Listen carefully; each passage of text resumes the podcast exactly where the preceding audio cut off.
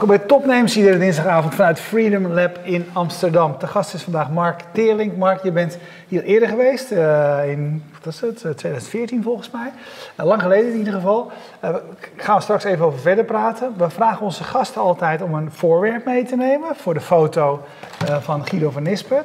Jij nam deze boot mee. Laten we daar gewoon eventjes mee beginnen. Wat heeft de boot te maken met jou? Waarom is het belangrijk dat deze boot er staat?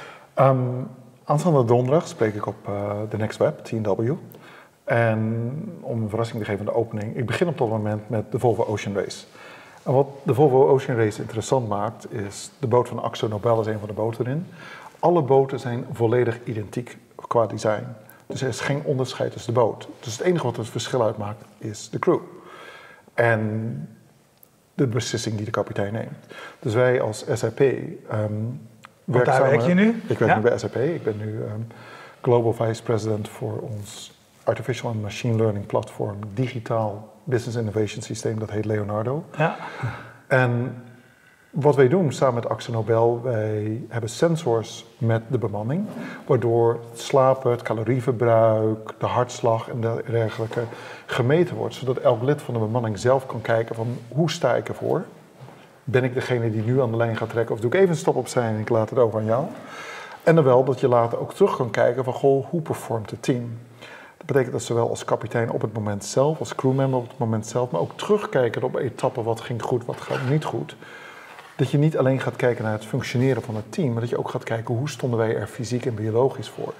En laten we eerlijk zijn, als je drie dagen met 2,5 uur slaap hebt gedaan, ben je meestal niet zo kwiek in je beslissingen dan dat je een 6 of 7 uur gehad had. Dat is wat zeilers doen. Die doen zonder slaap, ja. uh, heel lang, ja. heel veel. Of die doen uh, slapen een half uurtje of een uurtje. Niet slapen en niet wassen. Ja, en niet wassen. het blijft natuurlijk een fascinerende sport dit is een belangrijke toevoeging aan zo'n team van de Volvo Ocean Race. Wat is de feedback die je krijgt van, van de mensen aan boord? De feedback is fantastisch. Um, als je gaat kijken naar de. En dat was echt een, een ongelooflijk spannende nek-aan-nek race naar, in Auckland, uh, de ja. etappe waar de Axel Nobelboot gewonnen heeft, is, is dat uh, schipper Tienhoven, die heeft ook gewoon gezegd, het team heeft nooit opgegeven. Het team werkte als een geoliede machine. Iedereen wist precies waar hij aan toe was en hoeveel energie hij nog had op dat moment. En het team heeft ook bepaald dat die etappe daar gewonnen is, zeg maar. Dat, dat zijn niet alleen de beslissingen, maar dat zijn toch de laatste momenten. Heb je nog die laatste kracht om die extra slag, om die leer te doen en snel naar voren te rennen op dat moment of niet? En dat klinkt heel makkelijk als zeiler, want je doet het als instinct. Als je echt weet of je dat nog kan trekken of niet. Of ik kan één seconde aan jou vragen, trek jij het nog? Nee, en tegelijk, hè, jullie, jullie zijn allebei zeilers. Hè. Ik heb, ben één keertje ja, ik ben dan gelijk cynisch. Ze liggen, Daarom vier, ze liggen vierde. Dus ja. Ik ben een keertje met hem meewezen zeilen, er was er geen wind. Dus ja. ik, ja, ik heb deze ervaring niet. Jullie, maar in, die, in het voor het programma waren jullie een beetje die, die romantici eigenlijk een beetje over het zeilen. En nu schieten we eigenlijk meteen de fase in waar het romantische eigenlijk verdwijnt. Hè? De... Is dat zo? Want ik, ik heb races gedaan waar ik ook met GPS zit en waypoints en we constant ook met weerinformatie zaten. En we eigenlijk voor navigatie en strategische beslissingen ook allerlei data gebruikten. Ja, maar je bent, je, vind ik ook hoor. Het is altijd volgens mij zo geweest, maar je bent wel met me eens dat uiteindelijk die data, er is een enorme bak data, weerdata, stromingdata, weet ik veel, alles krijg je binnen. Maar uiteindelijk Oh ja, maar het blijft mensenwerk, hè? Voor de ja, maar ook de wind draait, ja. De front verandert van richting. In, uh, instinct zul je nog steeds nodig hebben. Ja, absoluut. dat is het mooie van zijn. Ja. Vinden jullie dat mooi wel? Ja, vind ik heel mooi. Dat is, dat is de, en, als mens vind je dat wel fijn, zeg maar, dat je wel je nodig blijft. Je, hebt het, je zult zeilen, en, en zeker in zo'n wedstrijd, je zult het nooit 100% onder controle hebben. Je nou, kunt... nee, en dat, dat is het mooie natuurlijk, als je het hebt over managementlessen. Um, ik heb zelf zoiets van, god, de beste managementles is dat je een team op een zeilboot neemt. En dat je ze vervolgens in omstandigheden die niet heel levensgevaarlijk zijn, maar toch spannender dan men gedacht had. Ja. En dan kom je erachter dat een managementstijl van dictatoriaal, ik ben de baas en bepaal alles, die gaat dan niet werken. Dat het team jouw vragen mag kunnen stellen, goh, waarom hebben we dat gedaan, is belangrijk. Maar dat er op een bepaald moment ook een afspraak moet zijn met het team, dat we niet even de discussie ingaan en wel samenwerken. Dat je handover momenten hebt, dat je ook zegt van, goh, ik wil even niet scoren, want ik denk dat het beter voor het team is dat jij een teamwerk maakt dat je zo'n race wint. En laten we eerlijk zijn, zeker in, in de wereld van technologie, waar start-ups of corporate incubators op dit moment toch de boventoon voeren. Als je daar niet een klein geolied team hebt, dan trek je het niet. En dan moet je ook elkaar iets kunnen gunnen. En ik vind dat, dat zijn een fantastische metafoor voor. Je kan willen controleren wat je wil, maar als opeens de wind draait. Als tegen de voorspellingen in, zoals vandaag het toch weer gaat regenen. Ja. ja dan moet je doen met wat je hebt. Maar eh, ben jij bij eh, SAP gaan werken omdat ze de Volvo Ocean Race sponsoren als zeiler? Of had je een andere? Ik, ik moet wel zeggen dat, dat het feit dat... ik, weet het niet. Ik, ik, mag, ik, mag, ik mag namens SAP... Ik vind het een hele goede reden. Ik mag namens SAP de 30ste juni uh, bij de aankomst... Het is toch voor Nederland geweldig dat uh, de aankomst, de finale, in, de final leg hier, hier in Den Haag komt. Ik mag daar de 30ste juni staan, dus dat, daar ben ik wel heel trots op. Um, ben ik daarvoor bij SAP gaan werken. Ik moet zeggen, het zijn de kleine dingen die je wel heel leuk maken. Het helpt wel, hè? Het, het helpt wel. Ik, ik denk, je moet altijd fun hebben in je werk. Als het niet fun is, dan moet je het niet doen. Dat is echt... Uh, nee. Ja. Maar goed, dit, dit, dit was, uh, wat je zegt, eh, een van de leuke extra's. Als we even eventjes kort het bruggetje maken met, met de laatste keer dat je hier was, mm uh, 2014, werkte je bij IBM. Dat was eigenlijk nog in een hele vroege fase, want jij legde ons uit uh, Watson. Ja. en, en, je hebt dat filmpje natuurlijk toen laten zien ja. hè, van... Uh, hoe zeg maar Watson slimmer is dan, uh, dan, dan, dan, de game, uh, de gamespelers, et cetera. Daarna hebben we heel veel programma's gedaan, ook over artificial intelligence, al, deep learning, machine learning, alle begrippen die hier regelmatig aan tafel zijn geweest. Als jij even heel kort die, die vier jaar moet overbruggen, ja. um, waar, waar, stonden we toen en waar staan we nu? Ik, ik, ik ga, en voor degene die het willen googlen, ga ik er even bij zeggen ook. Ik ga je twee voorbeelden geven. Eén, um, toen Benedictus paus werd in 2005, stond het hele Sint-Pieterplein vol. En er is een foto van. En dan zie je één iemand met zo'n clamshell phone daar staan om een foto te proberen te maken. Je gaat naar Francis. Um, dan zit je dus, dus een kleine, ja, paar jaar later, zeg maar, hè, vijf jaar later. En dan staat het Sint-Pieterplein helemaal vol met mensen met smartphones. Als je naar Watson kijkt, 2013, 2014, de periode dat we elkaar zagen, toen was de technologie uitgevonden, de innovatie de invention was gedaan, maar de innovatie om het toe te passen, daar zaten we met IBM toe ook. Hoe gaan we dat doen? Hoe gaan we zorgen dat we dat opschalen? We zijn toen in 2014, uh, toen werd ik Chief Business Strategist bij, bij de IBM Watson Unit, zijn we in New York met een, ja, een, een corporate startup begonnen, zeg maar. Nou, moesten we uitkomen, hoe wordt dat platform? Hoe verdeel je Watson in stukjes? Hoe ga je de pricing doen? Hoe zorg je dat mensen dat in de cloud gebruiken? Dan kom je achter dingen als regulation, dat je in verschillende landen moet zitten met verschillende datacentrum. Om te zorgen dat je ook aan de, aan de wetgeving en regelen, en zeker nu GDPR eraan komt en dat soort dingen, daar, moet je aan kunnen voldoen. Dat was een enorme reis. En we zijn nu op het moment dat je kijkt naar IBM, je kijkt naar Amazon, je kijkt naar Google met TensorFlow. Um, dat echt platformen zijn, cloud-platformen, waar jij en ik met een laptop kunnen zeggen: joh, ik ga een. Uh, een artificial intelligence powered app maken. Maar ik ga die machine learning niet zelf uitvinden. Dus we zien nou de verschuiving waar we in 2013 en 2014 nog machine learning moesten schrijven, de coderen. Dat al die algoritmes als een service, als een API, application interface, beschikbaar zijn. Dat we die kunnen roepen en als Lego blokjes kunnen zeggen, ik gooi hier wat data in. En de uitkomst van dat proces kijk naar dit flesje, wat is dit flesje, waar wordt dat gemaakt, bij wie kan ik dat nou, Precies, want, want uh, uh, IBM biedt uh, dat soort diensten. IBM, wat doet Amazon, zet daar ook heel groot op in. Wat, wat is de consequentie daarvan? Wel, het lijkt mij dat het democratiseert, wordt waarschijnlijk goedkoper. wat is de impact? Uh, van het beschikbaar komen van deze technologie? De, de impact Zo is, breed. De instelling is uiteraard een versnelling. Ik denk een groot verschil tussen bijvoorbeeld Amazon en IBM, waarin Amazon zich veel meer richt op ik maak één getrainde. Dus ik geef voorbeelden aan bijvoorbeeld een Alexa. En daarmee moet iedereen het doen. Waar een IBM heeft gezegd: nee, nee, nee, jouw data is jouw data en niet de mijne.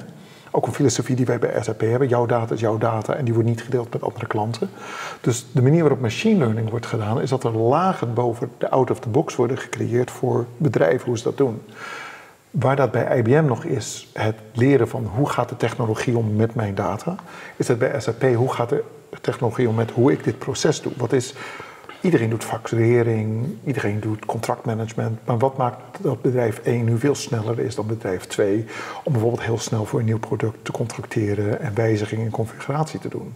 Dat is in het proces, dat is in de kennis van die mensen.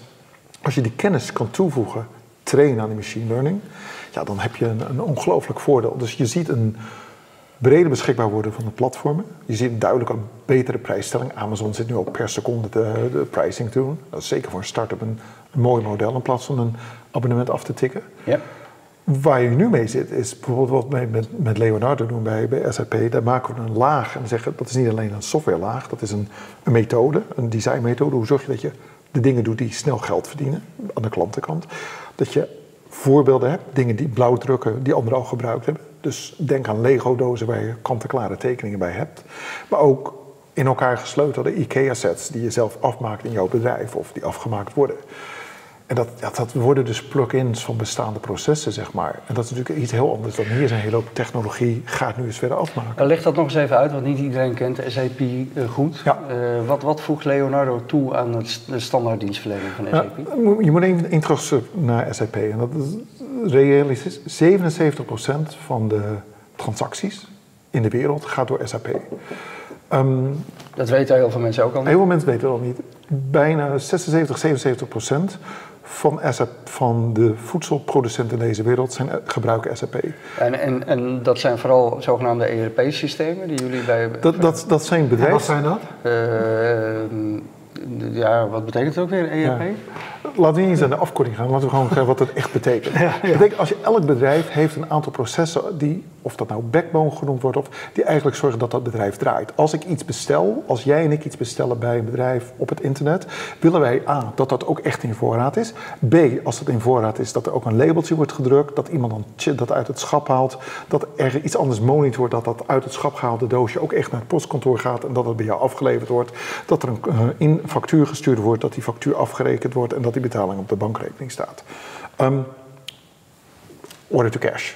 Dus dat soort processen, hire to fire, order to cash, pay to procure, zijn bijna elk business-to-business bedrijf heeft dat. Ja, enterprise resource planning, moest er even over nadenken. Ja. en, en, maar, en oorspronkelijk was enterprise resource planning is van hoe zorg ik dat ik op de beste manier een product in elkaar sleutel. Of dat nou een voedselproduct of een, een, boot of een auto was. En langzaam begon dat natuurlijk ook bij de overheid en bij financiële dienstverlening waar de service het product is, zeg maar. Dat wordt uitgebreid bij SAP. Dus op een gegeven moment werd er ook personeelsmanagement, marketing en CRM aan toegevoegd. En dat zijn eigenlijk de dingen die een bedrijf draaiend houden. Vandaar dat we ook hebben zoiets van. The world runs SAP, the best companies run SAP. En ik roep altijd van, goh, if SAP is down, the world is down. Wat het mooie maakt is dat SAP zit heel dicht dus wat bedrijven doen om succesvol zeg maar, zich te onderscheiden en het bedrijf draaiende te houden. Niemand gaat de advocatuur in of bedrijfsjurist worden, vier jaar universiteit, drie jaar specialiseren, om vervolgens te zeggen, nou, ik werk bij een groot voedselbedrijf en ik hou mij bezig met regelgeving en ik spendeer zeven van de acht uur per dag om door een document te lezen, dat op de, de, de productvoorwaarden te doen en dat in een spreadsheet te kopiëren en dan dat te klassificeren als dit is privacy of dit is food safety. En dan heb ik één uur nodig om mijn brein te gebruiken, waarvoor ik opgeleid ben, waarvoor ik een academische opleiding gedaan heb, om te beslissen hoe we dat gebruiken. Wat een ongelooflijke zonde van talent. Ja, tot, tot, even terug naar mijn oorspronkelijke vraag. Wat voegt Leonardo, een nieuwe, relatief nieuw onderdeel van, van SAP, wat voegt dat toe wat, aan jullie bestaande dienstverlening? Wat, wat, het, wat het toevoegt is drie dingen. Eén, voor een aantal bestaande dingen die we al met Leonardo doen, voegt dat aan klanten zeg maar, plugins toe die onder SAP toe kunnen gebruikt worden. Een voorbeeld is um, invoice reconciliation. Hetzelfde voorbeeld, je bent geen accountant geworden om samen met je staf elke week te kijken wat hebben we gefactureerd. Die klant heeft in stukjes betaald, welke korting was dat en hoeveel krijgen we nog van hem. Dat is, Leonardo, als ik nou die, die, die ongelooflijke repetitieve taak van je schouder haal en ik doe die in minuten voor jou, wat betekent dat wat jij voor onze klanten kan doen? Dat betekent dat je klanten kan zeggen, joh, ik kan jou helpen om in drie, vier dagen op een andere manier jouw contracten met jouw klanten te hercontracteren. Als je een nieuw product begint, in plaats van weken of maanden. Wat Leonardo doet, het komt met plugins of Lego-blokken die onder SAP draaien uit de doos. Daarna komt het met een stukje, noemen we accelerators. Dat zijn dingen die, denk aan een, een IKEA-doos met een aantal tekeningen hoe je dat bureau in elkaar kan zetten. Maar jij bent als bedrijf zelf nog aan het zoeken hoe je dat probleem het beste wilt tackelen. En dan doen we ook Leonardo als engagement, co-innovatie met klanten. Van, goh, wij weten nog niet precies hoe het probleem opgelost. Jij ook niet. Laten we dat samen oplossen en dat terugbrengen naar die anderen. Dus er zit een hele product lifecycle in.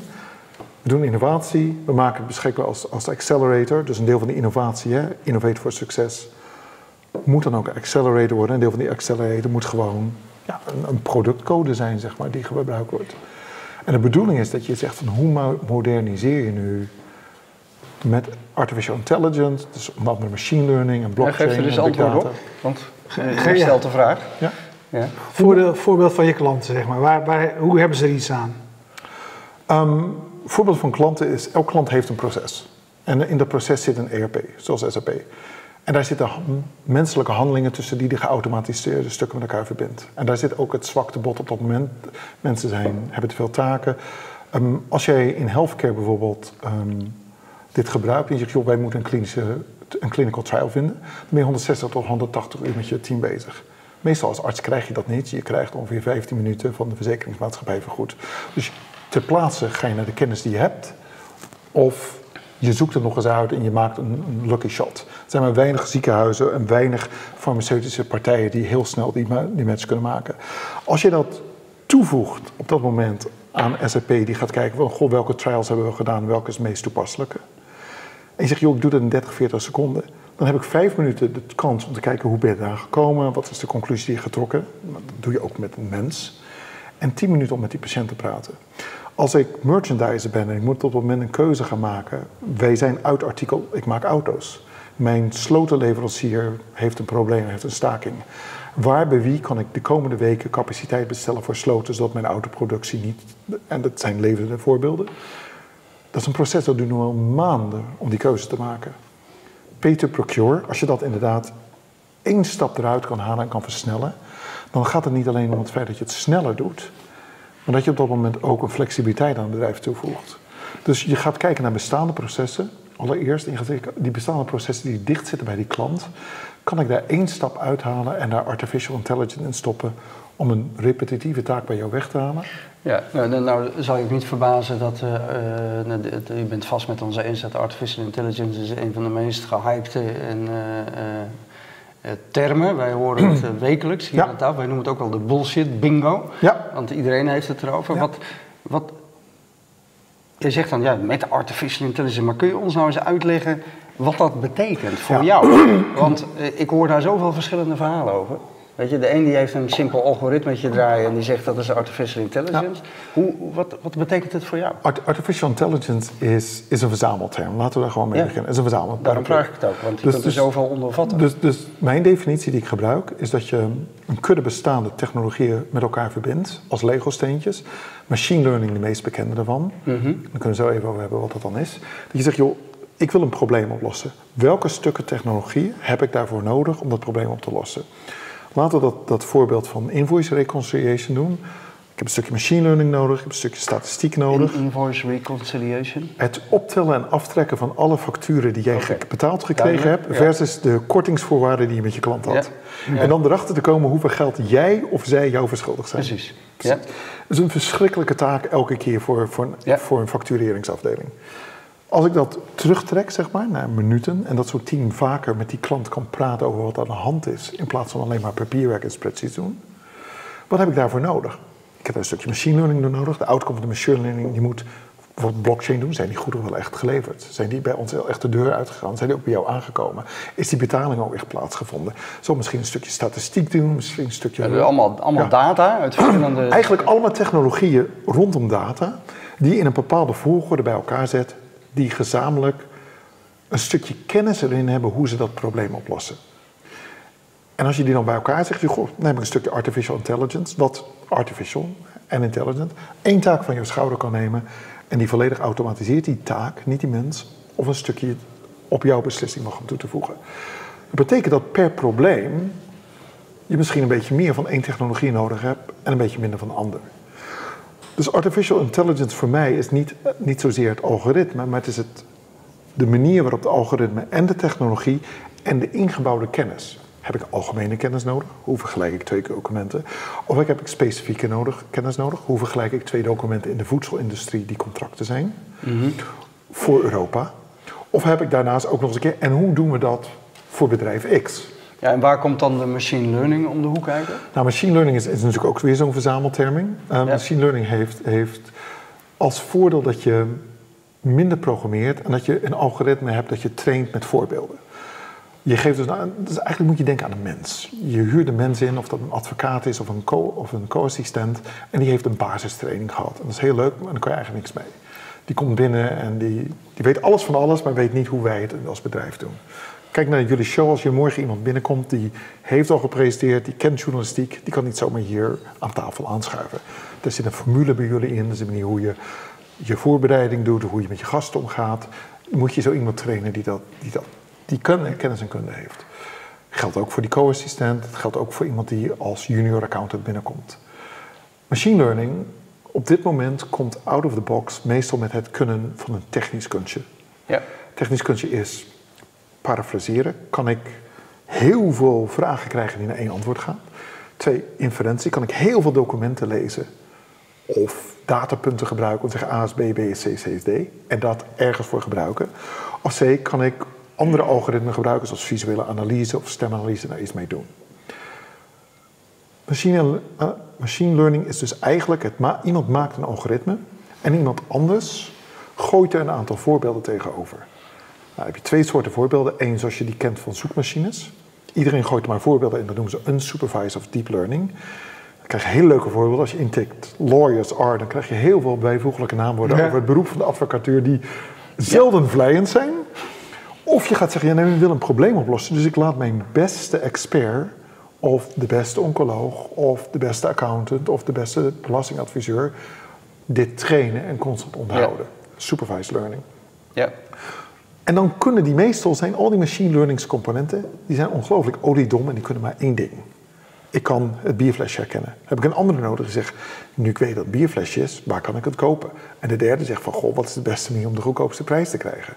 Dat zijn allemaal kleine stukjes. En iemand moet die aan elkaar rijgen.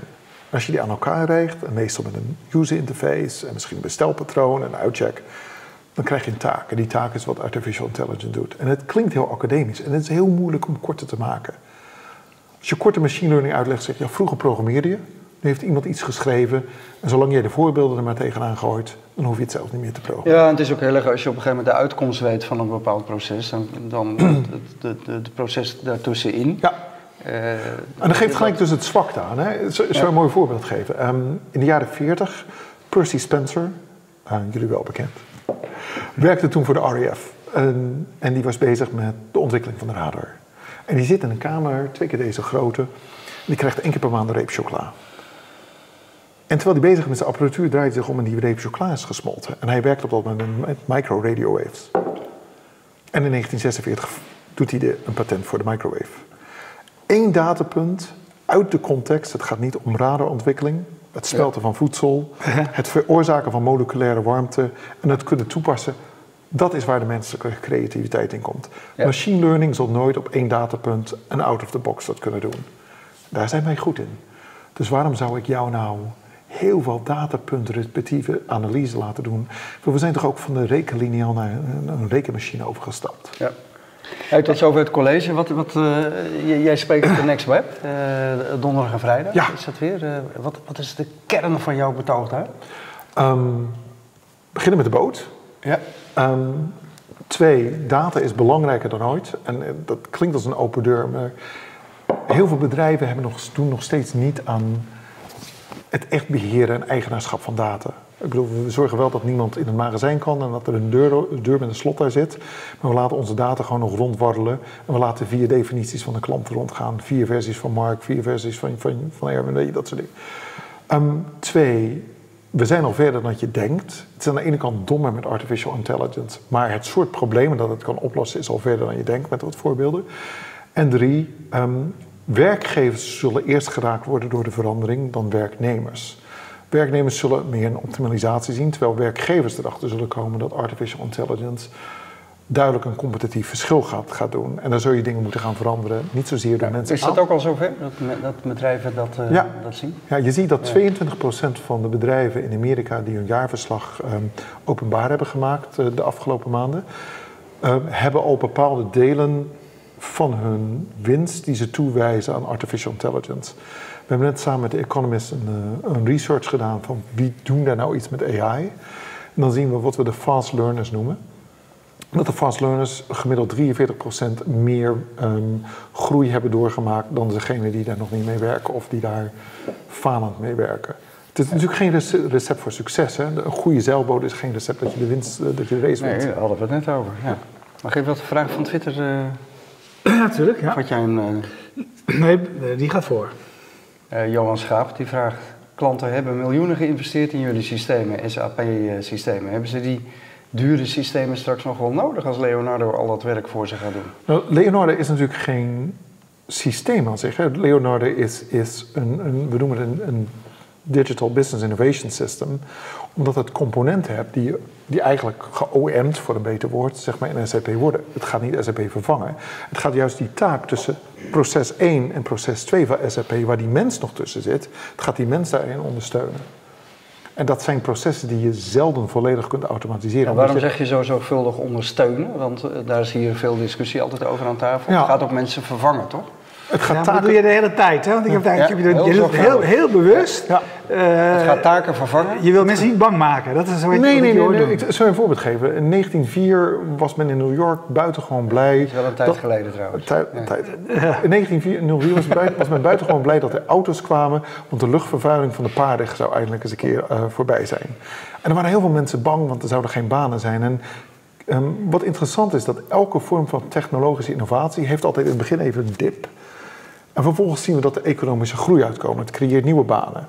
Er zijn veel meer mensen geweest die in de automobielindustrie werkten dan degene die zadels maakten voor paarden of die stront opruimden in de, in de stad van New York. En degene die zadel maakten, die gingen in het begin stoelen maken voor auto's. Op een gegeven moment kwamen mensen achter, hé, hey, ik kan meer doen, ik kan meer. Er zijn ook merken gekomen. Um, datzelfde geldt ook het internet. Iedereen was heel bang voor het internet en het zou bepaalde winkels weghalen. En het heeft ook taken in winkels veranderd. Maar het heeft ook nieuwe banen en nieuwe taken gecreëerd natuurlijk. Mijn uh, vraag was, kijk, als, als jou hoor, je zegt nu, de, de, de, we hebben dat, dat, onderzoek gedaan en dan zie je zeg maar, de, de, de, voorhoede profiteert er nu al heel, heel erg van. Uh, in, in het gesprek eerder hadden we het erover dat we nu in die fase van die democratisering zitten. Een aantal jaren geleden, het, het kon technisch. Uh, nu, je kunt al gebruik maken van platforms die er zijn. Wanneer komt het, wanneer gaat dit eigenlijk een rol spelen bij...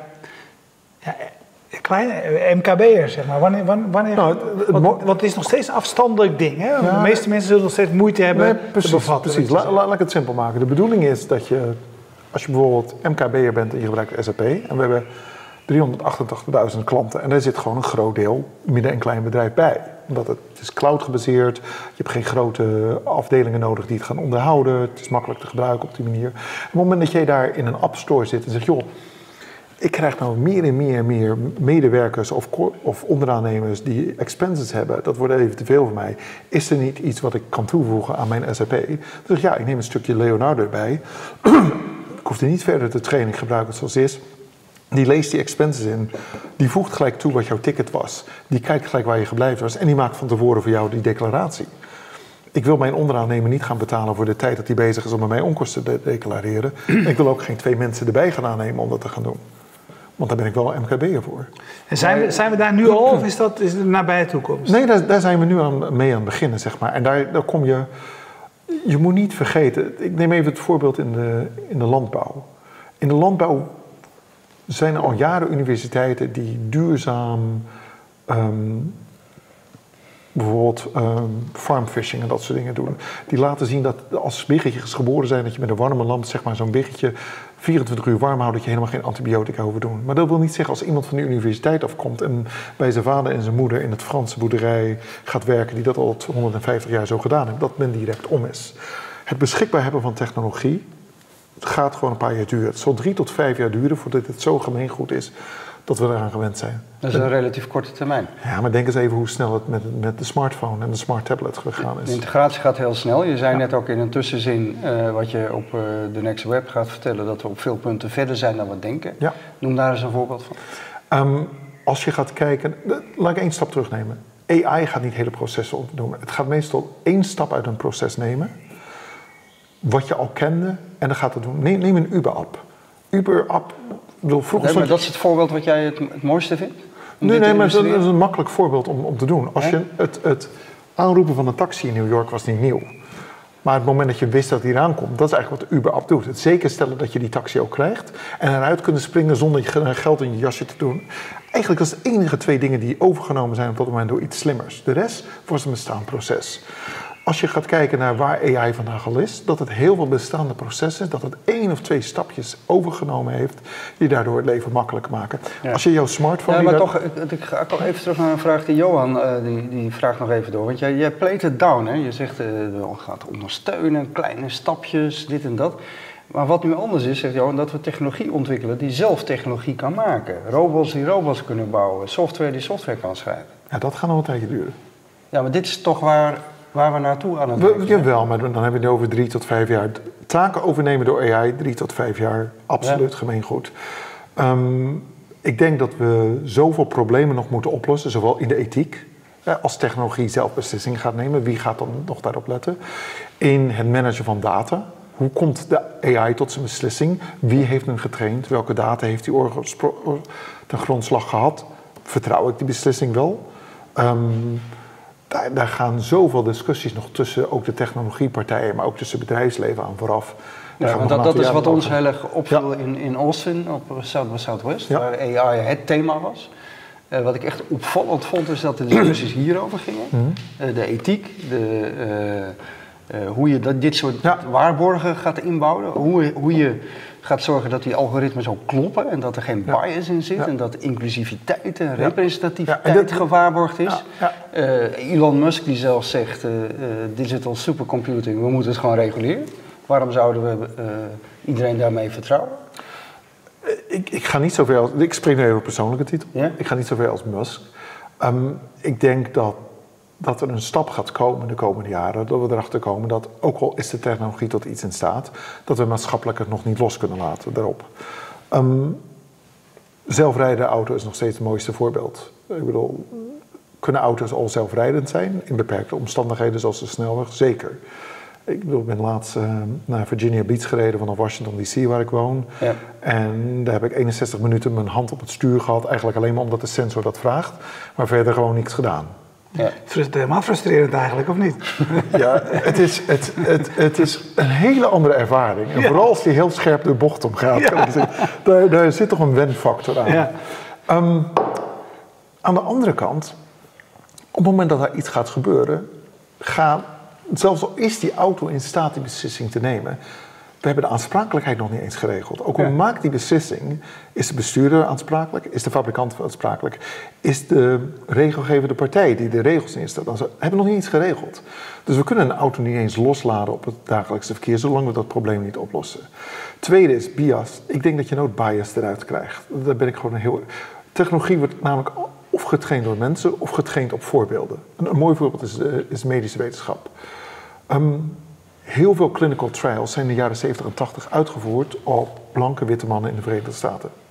Dat betekent als je vrouw bent, dat je al een andere manier hebt waarop je een hartinfarct hebt. Op het moment dat je African American hebt, dat je een ander enzympatroon hebt. Op het moment dat je van Aziatische afkomst hebt, zelfs al heb je maar een achtste Indonesisch bloed in je, dat er toch op dat moment iets anders gebeurt in je lichaam.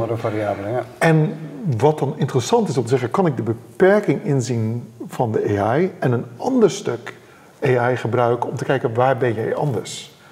Dus we moeten op een andere manier naar de technologie gaan kijken. Vertrouw jou je GPS 100%? Nee. Nee. Ga je als je dat weten wij als zeilers, hè? Ja, dat, absoluut. Ja, je blijft ook altijd om je heen kijken. Je blijft om je heen kijken. Ja. En als je met de auto bent en er wordt gezegd... ga nu scherp rechts, ga direct rechts... ga je dan echt de trap van de parkeergarage af... of wacht je twee meter totdat je bij de poort bent? Want dat schijnt bij Schiphol nog regelmatig te gebeuren, hoorde ik. Dat, uh, ja. Dat er iemand de trap met de bolver in wil rijden. Ja. we nemen altijd een half uur voor interviews. En, die zijn al voorbij. En, en die, dat is dan zomaar... Het was weer leuk, hè? Ja. Het was weer leuk. We zijn al 35 minuten op streek. Ja. we kunnen wel uren doorpraten. Maar dat moeten we misschien op de Next Web doen, wat, waar jij gaat spreken. Donderdag. Aanstaande donderdag, live op de Next Web. Keynote. 10 uur 50 uh, Nederlandse tijd. Oké, ja. mooi man. Leuk dat je er uh, weer was. En, uh, en, je komt weer terug naar uh, Europa, toch? Ja, einde dit jaar gaan we met de familie terug naar de mooiste stad ter wereld verhuizen. Ja, naar Rotterdam? naar Amsterdam. maar maar, maar ik, ik, ik gun het jullie wel. ja, okay. Dank je. Nou, je bent van harte welkom. Bent, Dankjewel. Dankjewel. Ja, dankjewel. Uh, jullie bedankt voor het kijken. Blijf nog eventjes zitten, want dan uh, ontkoppelen we hier ook nog eventjes.